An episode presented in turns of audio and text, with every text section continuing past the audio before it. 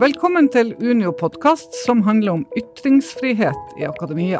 Og hvem er mer aktuell til å snakke om det enn samfunnsviter, jurist med doktorgrad i folkerett og Midtøsten-ekspert Cecilie Hellestveit. Velkommen til deg. Tusen takk skal du ha. Du problematiserte i et intervju med Krono at flere og flere stillinger går til utenlandske forskere. Og det skapte en storm. Et skred av reaksjoner fulgte. Du rettferdiggjør fremmedfrykt, og dessuten mangler du folkeskikk. Du sprer fordommer, du er en nasjonalist av verste sort, og burde trekke innlegget. Du har fått vite at det var uheldig timing å gi uttrykk for dette akkurat nå. En professor mente sågar at du aldri kom til å bli professor sjøl. Og du ble fjerna som foreleser ved Juridisk fakultet ved Universitetet i Oslo. Kurt Rice, rektoren på Norges miljø- og biovitenskapelige universitet, tidligere rektor på Oslo OsloMet, mente du burde beklage innlegget. Nå endte det med at han beklaga sjøl, da. Men han sto i det i noen dager før han gjorde det. Alt dette pga. at du ytra ei kvalifisert mening. Hva må man være laga for å stå oppreist i en sånn storm? Jeg tror det hjelper å være litt oppi årene og ha en del erfaring. Kanskje både fra Norge og utlandet. Og så hjelper det å ikke være skuddredd. Jeg er ikke konfliktsky, selv om jeg søker og foretrekker diskusjoner som foregår på saklig vis, og som handler om innhold, fag, analyser og uenighet. Jeg tilhører jo på en måte det juridiske fagfeltet, først og fremst. Jeg er jurist, men jeg er også statsviter, konfliktforsker. Men det er først og fremst det juridiske feltet som er mitt område. Og Der er jo det kontradiktoriske prinsipp veldig viktig. ikke sant? En sak blir best opplyst hvis man får belyst eh, alle sider av saken. Og det er et prinsipp som jeg tror på både i akademia, innenfor samfunnsvitenskapen, men også i den offentlige debatten. At man man er nødt til å tåle at andre oppegående, beleste, kloke mennesker er uenig med deg, og det er ikke fordi du skal overtale de eller omvende de, det er fordi det er mange sider ved de fleste saker i samfunnet. Så det er nok på en måte den, den overbevisningen der om mm. at det, det, er litt for lavt under taket i, i den norske uh, akademiske debatten, etter mitt skjønn, og det å få hevet takhøyden i en tid med veldig mange store, vanskelige omskiftninger i samfunnet, er veldig viktig for meg. Så hvis jeg på en måte kan gå i bresjen for å heve takhøyden for hva som kan snakkes om, og hva det er lov å være uenige om, eh, så er det nær sagt et slags kall jeg har. Så liksom kombinasjonen av å være litt oppi årene med erfaring, eh, det å ikke være skuddredd, og det å ha en, en, en prinsipiell holdning om at det er godt med faglig uenighet, både om forskning, men også om utviklingen i samfunnet. Mm. Men eh, hva var det egentlig du mente med, uh, med det du sa til Krono? Dette startet jo med et intervju. Mm -hmm. Og som alle forskere som intervjues er klar over, så får du aldri sagt det du vil når du intervjues. Eh, for det første så blir det ofte sitater som du kanskje ikke helt er enig i, og du mener kanskje at du i hvert fall forsøkte å si noe annet. Og så parafraserer jo journalistene ting, ikke sant. De skriver ting i en annen sammenheng eller setting enn det du i utgangspunktet mente. Så når jeg leste dette intervjuet, første intervjuet i Krono, så tenkte jeg oi, ja, det var vel ikke helt slik jeg hadde tenkt at det skulle fremstå. Eh, og særlig var dette en uttalelse om én liten gruppe utenlandske forskere, toppforskere som kommer til Norge fordi de har faglig interesse av det, og egentlig ikke kommer hit for å delta i, i på en måte det norske prosjektet på noen som helst måte. Eh, de er én av mange forskjellige grupper. Og så hadde, man, hadde Kronos eh, kanskje spisset det litt til, og, og, og det fremsto som om jeg mente en veldig mye større gruppe av, eh, av forskere som ikke har norsk bakgrunn. Mm. Så det er klart, det var nok den initielle reaksjonen forsto jeg ganske godt. Og så kunne jo jeg da gått ut og sagt at men det var ikke det jeg mente, men det valgte jeg å ikke gjøre. Mm. Fordi jeg tenkte at dette er en ganske god anledning til å få presisert hva eh, hva som er de mange sidene ved internasjonaliseringen. Og i tillegg eh, så eh, Som sagt, altså, jeg mener at vi er nødt til å ha høyere takhøyde for diskusjon, også om tema som kanskje er sensitive, som er vanskelig å diskutere, men som akademikere, hvis noen, i samfunnet må være i stand til å, å diskutere. Mm. Og så er jo det selvfølgelig det, det, faktum her at dette handler jo om oss selv. Mm. og vi er jo ofte flinke til å analysere andre sider av samfunnet, men, men, vi må også være i stand til å se på en måte introspektivt. Mm hva vi selv er, hva slags funksjon vi har i samfunnet, og om hvorvidt vi på en måte fyller den oppgaven på en en god nok måte, sånn som samfunnet vårt er i ferd med å, å utvikle seg. Eh, for som samfunnsforsker og som, som jurist, eh, som en som, som, følger mye med på hvordan utviklingen foregår i andre land, så er jeg av den oppfatning at vi er i enorme omveltninger nå.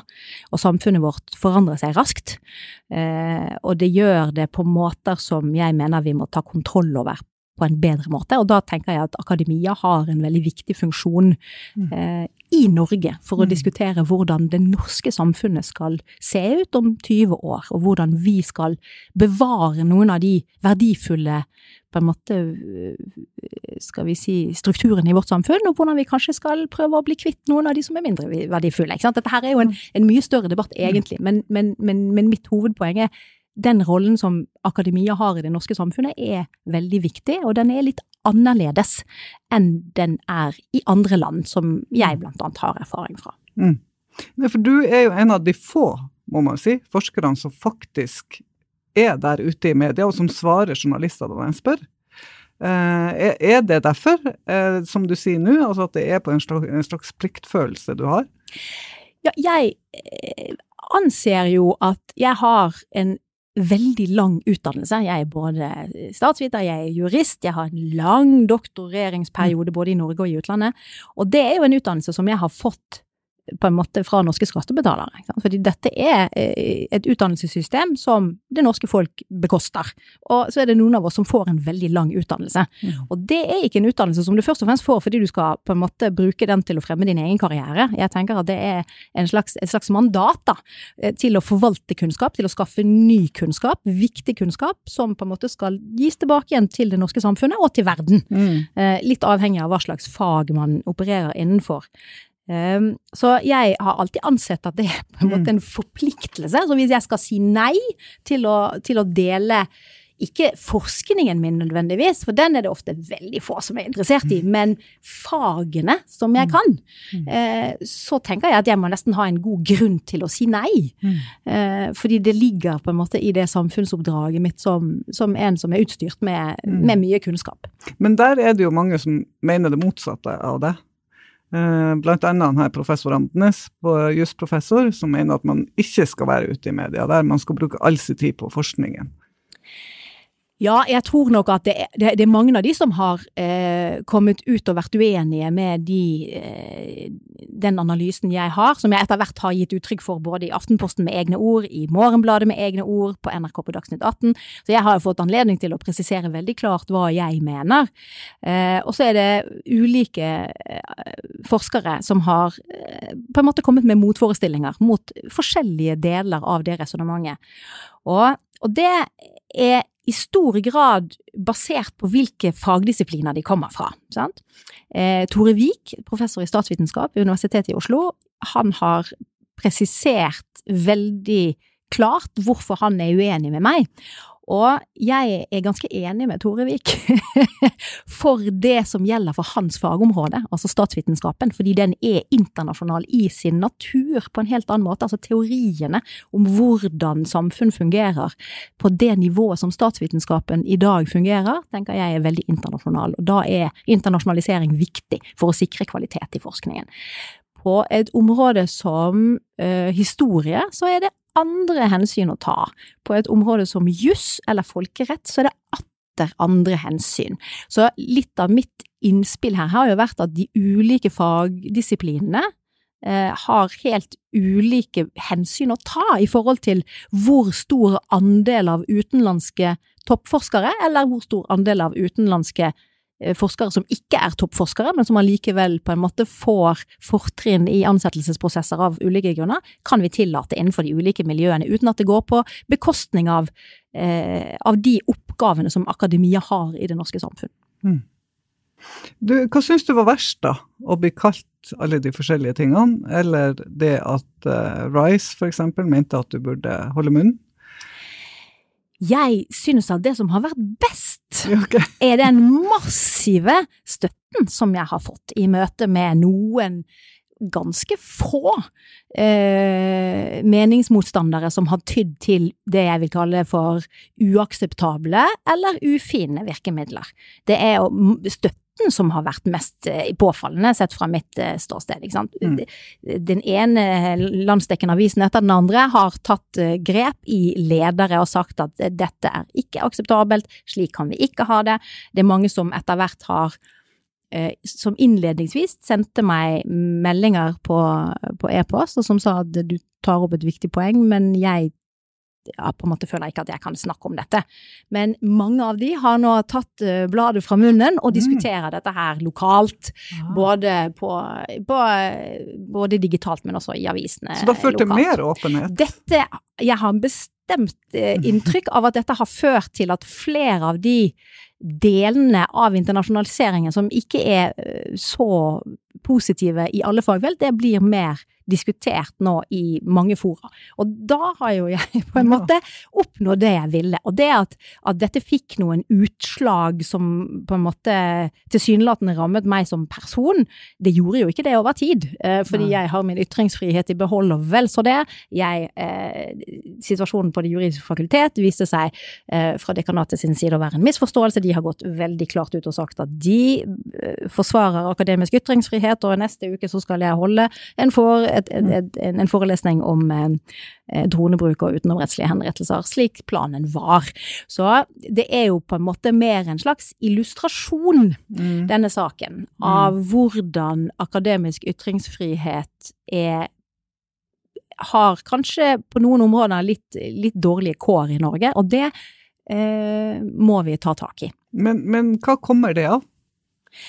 Altså, jeg, dette var jo den opprinnelige saken i Kronos, handlet om forskeres deltakelse i, i det offentlige ordskiftet og formidlingsoppgaven, da. Mm. Eh, og, og, der er det mange forklaringer på det. Det handler om strukturen i akademia, etter mitt skjønn, som, som kanskje i altfor stor grad baserer seg på en slags konkurransetenkning fra det private næringsliv. Jeg mener jo eh, at særlig for et land som Norge, som ikke har universiteter som drives som sto, basert på fond, og drives drives som private institusjoner, men som baserer seg på overføring fra folk flest, mm. de må drives på en annen måte enn de store eh, universitetene i land som Storbritannia eller USA, som, som, har helt andre strukturer, som drives på andre måter enn det norske universiteter gjør. Men etter hvert så har vi fått en, en form for tankegang som minner veldig mye om det man har i USA eh, og i, i, i Storbritannia eksempel, hvor det du kan som forsker, det er på en måte din kapital all.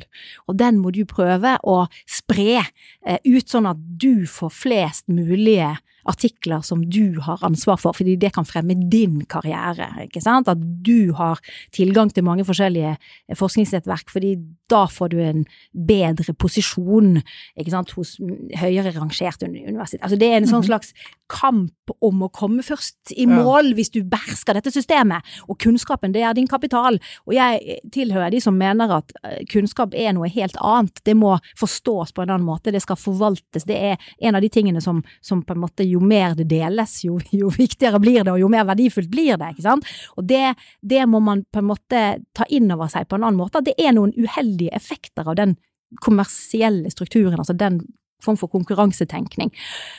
Og det betyr ikke at jeg er uenig med Tore Vik når han sier at vi må ha en, en, form for faglig konkurranse i akademia for å sørge for at de flinkeste forskerne blir de som leder an i forskningen i verden. Eh, og Norge skal også være verdensledende innenfor enkelte forskningsområder. Mm. Jeg er helt enig i det, men det, det, er ikke gitt at det skal skje på den måten som det gjør i dag, hvor det er slik at kunnskapen skal være din kapital. Mm. Det er andre måter å, å, på en måte sile det ut, tror jeg, at, at, at fins. Og så er jo spørsmålet er det, er det den form for, for på en måte verdensledende forskning vi skal aspirere til innenfor alle fagfelt i Norge. Mm. Når det kanskje først og fremst er det norske samfunnet, det er norske sykepleiere som skal utdannes, det er norske lærere i videregående skole, det er folk som skal jobbe i Norge, og ikke minst, som kanskje en av mine aller, aller viktigste poenger her, jeg anser at norske akademia, i motsetning til for eksempel britisk eh, akademia, har en vesentlig funksjon i forhold til eh, maktfordelingsprinsippet i Norge. Fordi vi er et lite land, det er få folk, det er akademia som utdanner embetsverket vårt, altså første statsmakt. De er veldig dyktige i Norge. Vi har blant de beste embetsverkene i verden.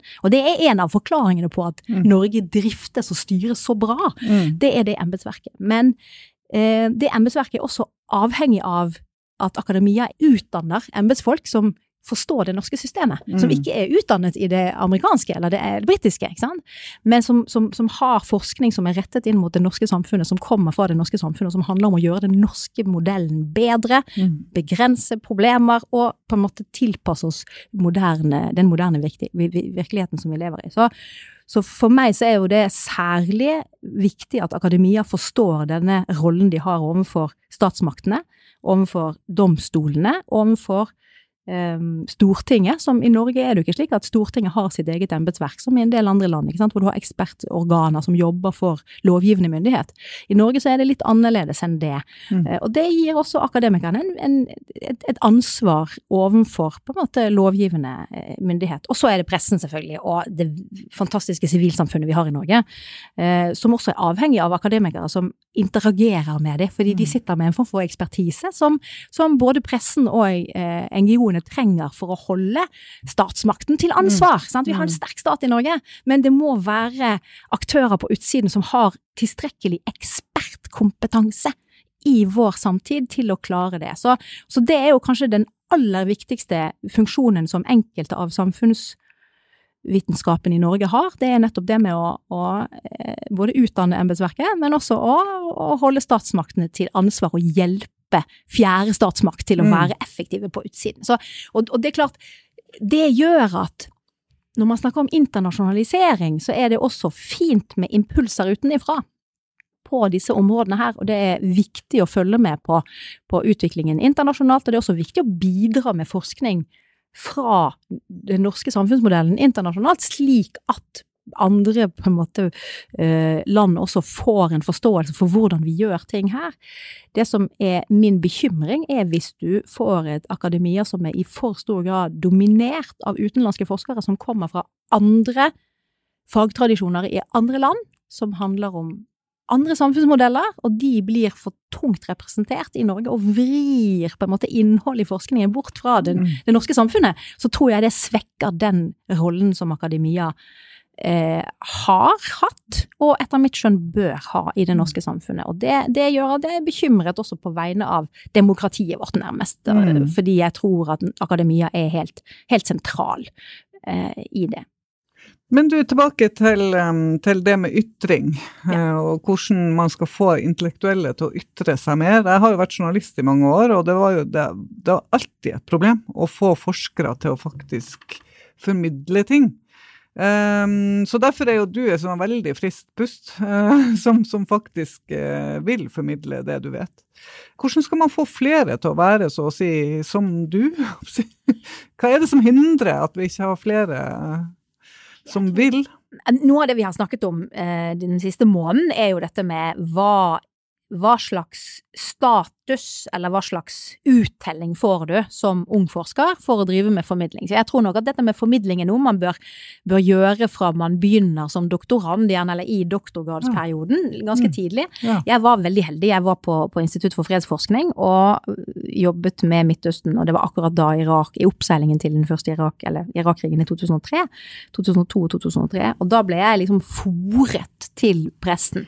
Og jeg hadde en, eh, jeg, Jeg hadde et støtteapparat på Prio, og så hadde jeg veldig gode folk i NRK som tok meg rett og slett i hånda og sa nå Hellestveit skal du komme på søndag og du skal snakke, her har du alle spørsmålene. Og så forholdt de seg veldig, de var veldig utrolig flinke til å tilrettelegge Ja. det første året jeg var ute.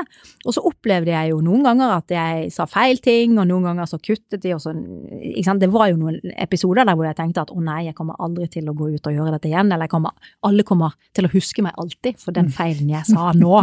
sant? Og så viser det seg at det er jo ikke sånn, fordi den kollektive hukommelsen den er veldig kort. Mm. Og det er noe med å gi unge forskere muligheten til å til å, til å få litt veiledning i Ja. begynnelsen, være Mm. litt snille med dem før de liksom får en litt tjukkere hud. Og der, en av mine kjepphester er at der må vi særlig være flinke med jentene. Mm. Fordi kvinner, tror jeg, har noe ved oss som gjør at vi har større redsel for å bli uthengt offentlig enn det menn har. Og det, jeg, det kan hende det er ut, eh, oppdragelse, jeg tror det er mer biologi, eh, faktisk. Mm. Det, er, det, er, det er min konklusjon etter mange år med å, å, å, å, både se på meg selv og se på veldig mange av mine, mine kollegaer, mine kvinnelige kollegaer, de trenger mer backing tidlig for å oppleve og erfare at du kan gjøre en innsats som er under 100% eller du kan faktisk komme i en situasjon hvor du taper, og du blir hengt ut, du blir på en måte uglesett. Eh, men så betyr det ikke at du skal sitte Du er ikke, du er ikke henvist til en vidde med tre barn helt alene der oppe. Det er ikke det som skjer. Du blir invitert inn igjen. Mm. Og du fortsetter å virke på samme Mm. måten. Dette er innenfor det som er lov å risikere som en virkende samfunnsforsker i Norge i dag. Det er ikke så farlig. Så det er det ene. Det andre er jo at vi er nødt til å forvente av forskere at de tåler en liten støyt. Rett og slett. Mm. Jeg er også litt overrasket over hvor mange som tenker at det som har skjedd siste, den siste måneden er noe, noe som, som en stor belastning for meg. Jeg jobber med mennesker i, andre deler av verden hvor når man går ut på den måten som jeg har gjort nå, så risikerer du livet. Du risikerer livet til barna dine. Du risikerer å måtte flykte fra landet ditt og miste alt du eier.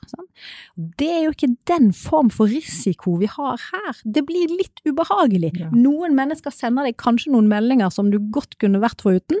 Kanskje er det noen som er litt sure neste gang du møter dem, eller kanskje vedvarer det litt. Men det er, dette er Såpass må man tåle, tenker jeg, også i, i det norske samfunn. For ytringsfrihet, også i akademia, betyr ikke retten til å ytre seg uten at det skal koste noe.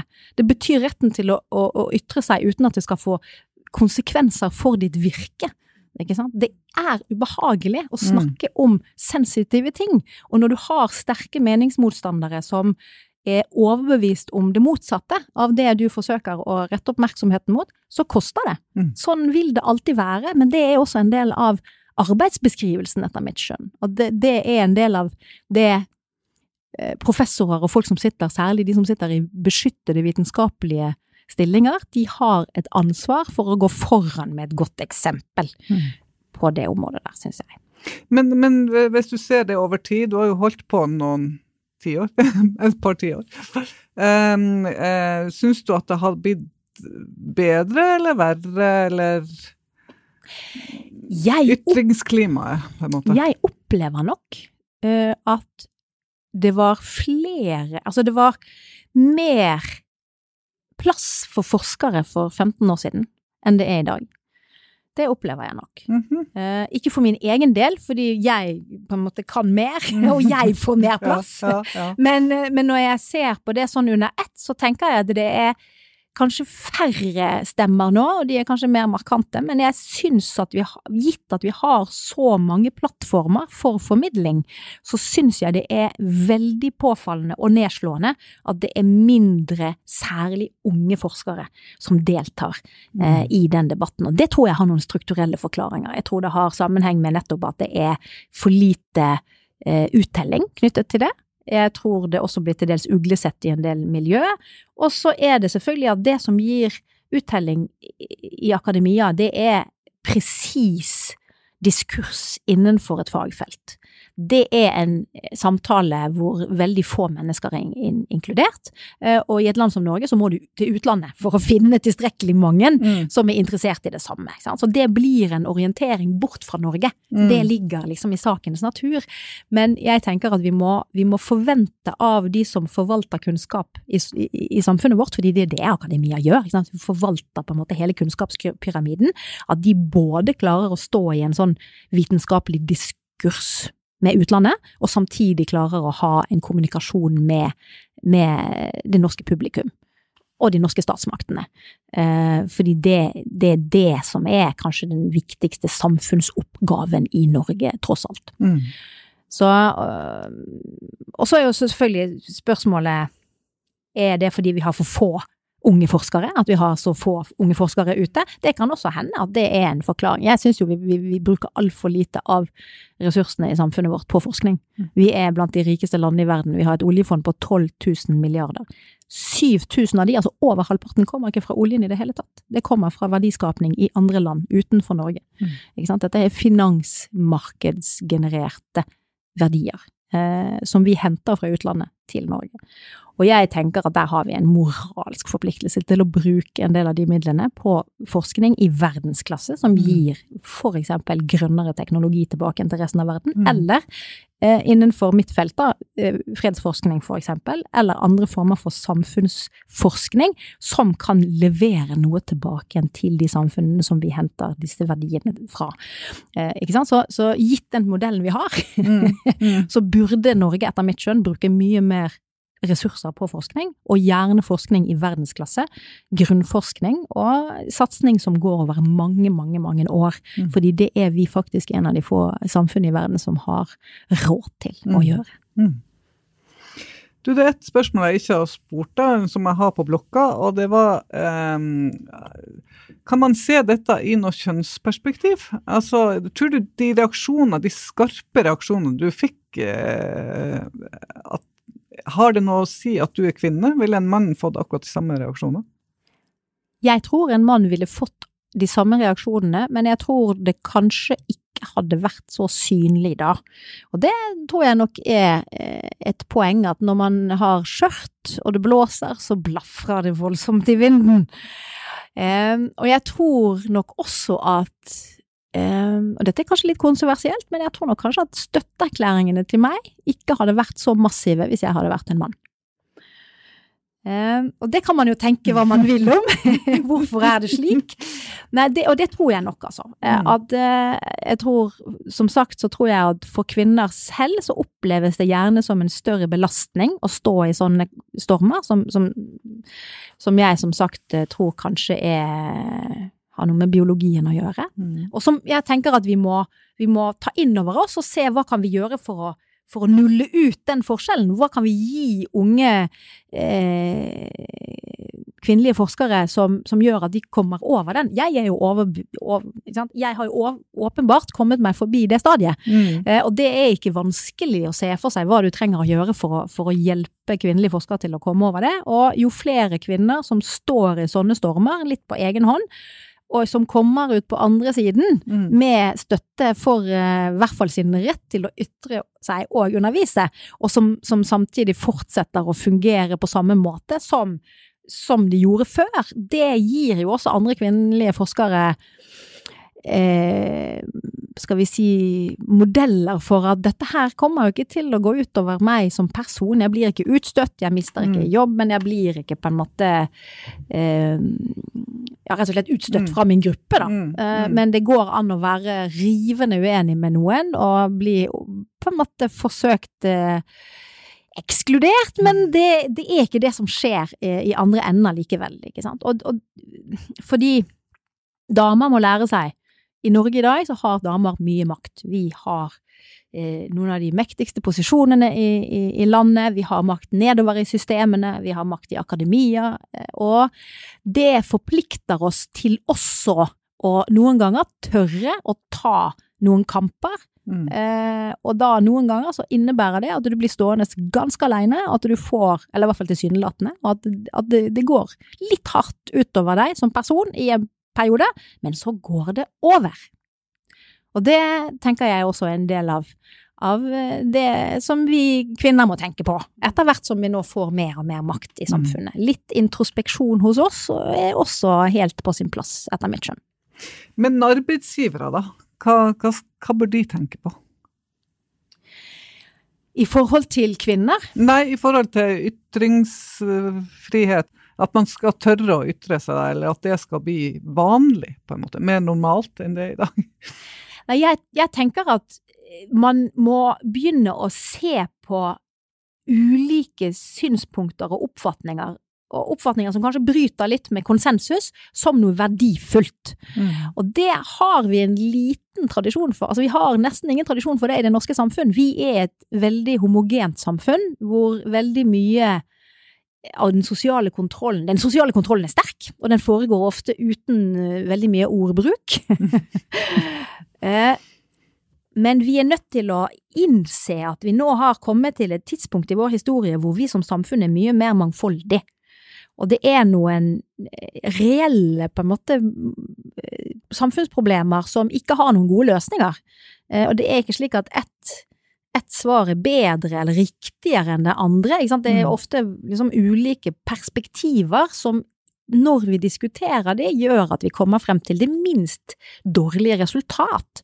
Og, eh, og nå er vi egentlig utenfor vitenskapen som sådan, men vitenskapelige på en måte eh, resultater skal jo benyttes inn i den diskusjonen der. Og, og der må vi bli flinkere til å akseptere at opposisjon er av det gode. Dette er jo nesten så altså, Det er jo selvfølgelig, ja, egentlig, ja, ja. i en sånn vitenskapelig diskusjon, men jeg opplever nok at vi er for lite flinke til å verdsette faglig motstand. Både egentlig i, i, den vitenskapelige diskursen, men særlig når det er snakk om en diskusjon ute i mediene. For det er ikke slik, tror jeg, at hvis to øh, ansatte på et institutt går ut i avisen og har en diskusjon hvor de er ganske uenige, at det på en måte viser negativt tilbake igjen på det miljøet de kommer fra. Jeg tror det er snarere tvert imot. Hvis det gjøres på en måte i en respektfull form, så viser jo det på en måte folk at her foregår det en, en form for eh, faglig diskusjon som mm. både er veldig sunn, og som viser at det finnes ikke noen klare svar. Altså vitenskapen kan veldig ofte ikke gi klare svar, men den kan gi en, en indikasjon, mm. ikke sant. Og det er også, her er jo en stor forskjell, etter mitt skjønn, mellom det som er på en måte naturvitenskapene og en del, en del av samfunnsvitenskapene, og de samfunnsvitenskapene som er mer normative, eh, og som analyserer samfunnet vårt og prøver å se hva som er beste modeller videre. Der er det jo ingen klare svar. Det er funn, mm. og så er det tolkning av funn, og så er, skal man gjøre det om til, til best mulige måter å, å, forvalte samfunnet på. Så, og, og der tror jeg at um, det å ta den, skal vi si, vitenskapelige uenigheten som man ofte har internt, og ta den litt mer ut, er sunt. Mm. Uh, og at man som leder i et fagmiljø skal oppfordre til det, og premiere det, og, sy, og, så, og på en måte å, å, berømme det, snarere enn å, enn å slå ned på det. Mm. For til syvende og sist så er det jo spørsmål hva, hva er formålet med den forskningen vi driver med? Ikke sant? Skal den få virkning bare i en diskursiv internasjonal vitenskap, som mm. kanskje får effekter for hva som gjøres, eller skal den også virke lokalt og nasjonalt. Og som sagt så mener jeg at vi bør ha en ambisjon om at eh, vi skal klare begge deler. Du, eh, tusen takk for at du kom. Vi er eh, veldig veldig glad for at du tok deg tid til å komme til vårt Semre studio. Eh, takk for det. Gleder meg til å høre deg neste gang i Dagsnytt 18. takk skal du ha for at du fikk komme. Tusen takk. Flere Unio-podkaster finner du der du hører podkaster, eller gå inn på unio.no slash podkaster. Vi høres.